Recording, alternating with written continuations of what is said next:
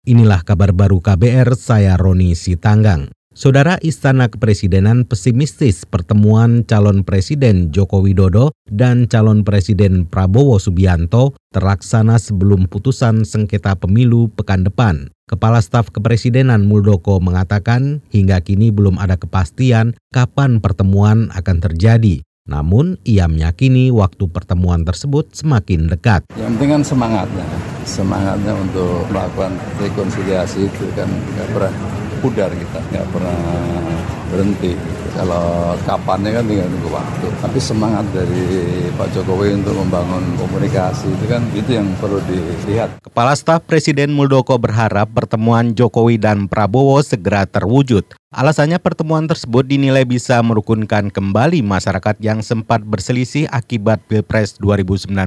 Sebelumnya calon presiden nomor urut 01 Jokowi Widodo mengklaim telah mengirimkan utusan untuk merencanakan pertemuan antar capres. Namun menurut pihak calon presiden nomor urut 2, pertemuan menunggu waktu yang tepat. Lembaga Pemerhati Lingkungan Ekoton menyebut penyelundupan sampah ke Indonesia dengan modus impor bahan baku kertas sedang menyerbu Indonesia. Direktur Eksekutif Ekoton Prigi Arisandi menyebut mayoritas sampah yang masuk ke Indonesia melalui pelabuhan Tanjung Priuk, Tanjung Perak, dan Pelabuhan Batan. Ini kan yang diramaikan Batam sama Tanjung Perak. Padahal Indonesia punya tiga pintu gerbang maksudnya impor Batam, Tanjung Perak, dan Tanjung Priuk. Dan untuk kertas sebenarnya mereka yang lebih besar. Pertanyaan besar kenapa kok Jawa Timur yang menjadi apa, eh, sasaran tembak? Kenapa tidak di Jawa bagian Barat? Di situ ada PT Pindo Delhi, di situ ada Fajar Surawasesa, di situ ada Indakiat. Jadi industri besar inilah kemudian yang tadi kemungkinan besar menyerap satu juta ton tadi. Direktur Eksekutif Ekoton Prigi Arisandi menjelaskan banyaknya temuan penyelundupan sampah membuktikan lemahnya pengawasan pemerintah pada jalur impor bahan baku. Sebelumnya ditemukan adanya penyelundupan sampah ke Indonesia. Sampah diselundupkan merupakan sampah plastik yang tak bisa didaur ulang dan sampah yang mengandung limbah berbahaya.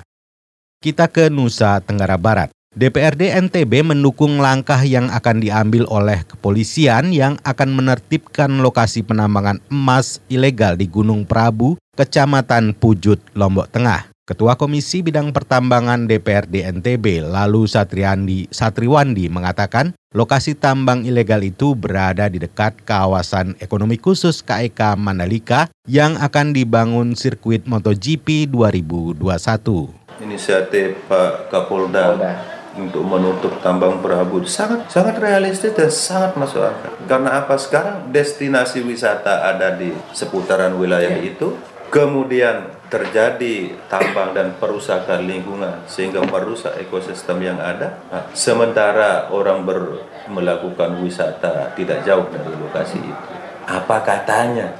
Terlebih-lebih orang asing loh ya. Ketua Komisi Bidang Pertambangan DPRD NTB lalu Satriwandi mengatakan ada dugaan peran aparat di balik operasional tambang emas tersebut. Sebelumnya Kapolda NTB Nana Sujana berencana akan mengambil langkah hukum terkait aktivitas tambang ilegal di kawasan Gunung Prabu. Namun sebelum adanya penertiban, kepolisian mengatakan akan melakukan pendekatan kepada penambang.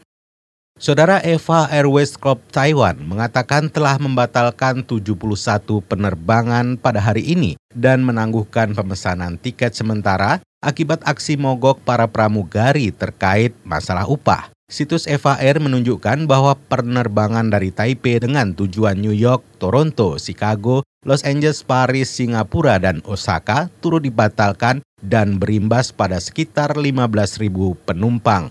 Maskapai menuturkan sebagian operasi mereka terkena imbas aksi tersebut. Pemesanan tiket untuk keberangkatan pada hari ini hingga 29 Juni pun ditunda. Saham Eva Air ditutup 3,85 persen lebih rendah pada perdagangan Jumat. Sementara itu saham saingannya China Airways naik sejumlah 1 persen. Saudara demikian kabar baru KBR, saya Roni Sitanggang, salam.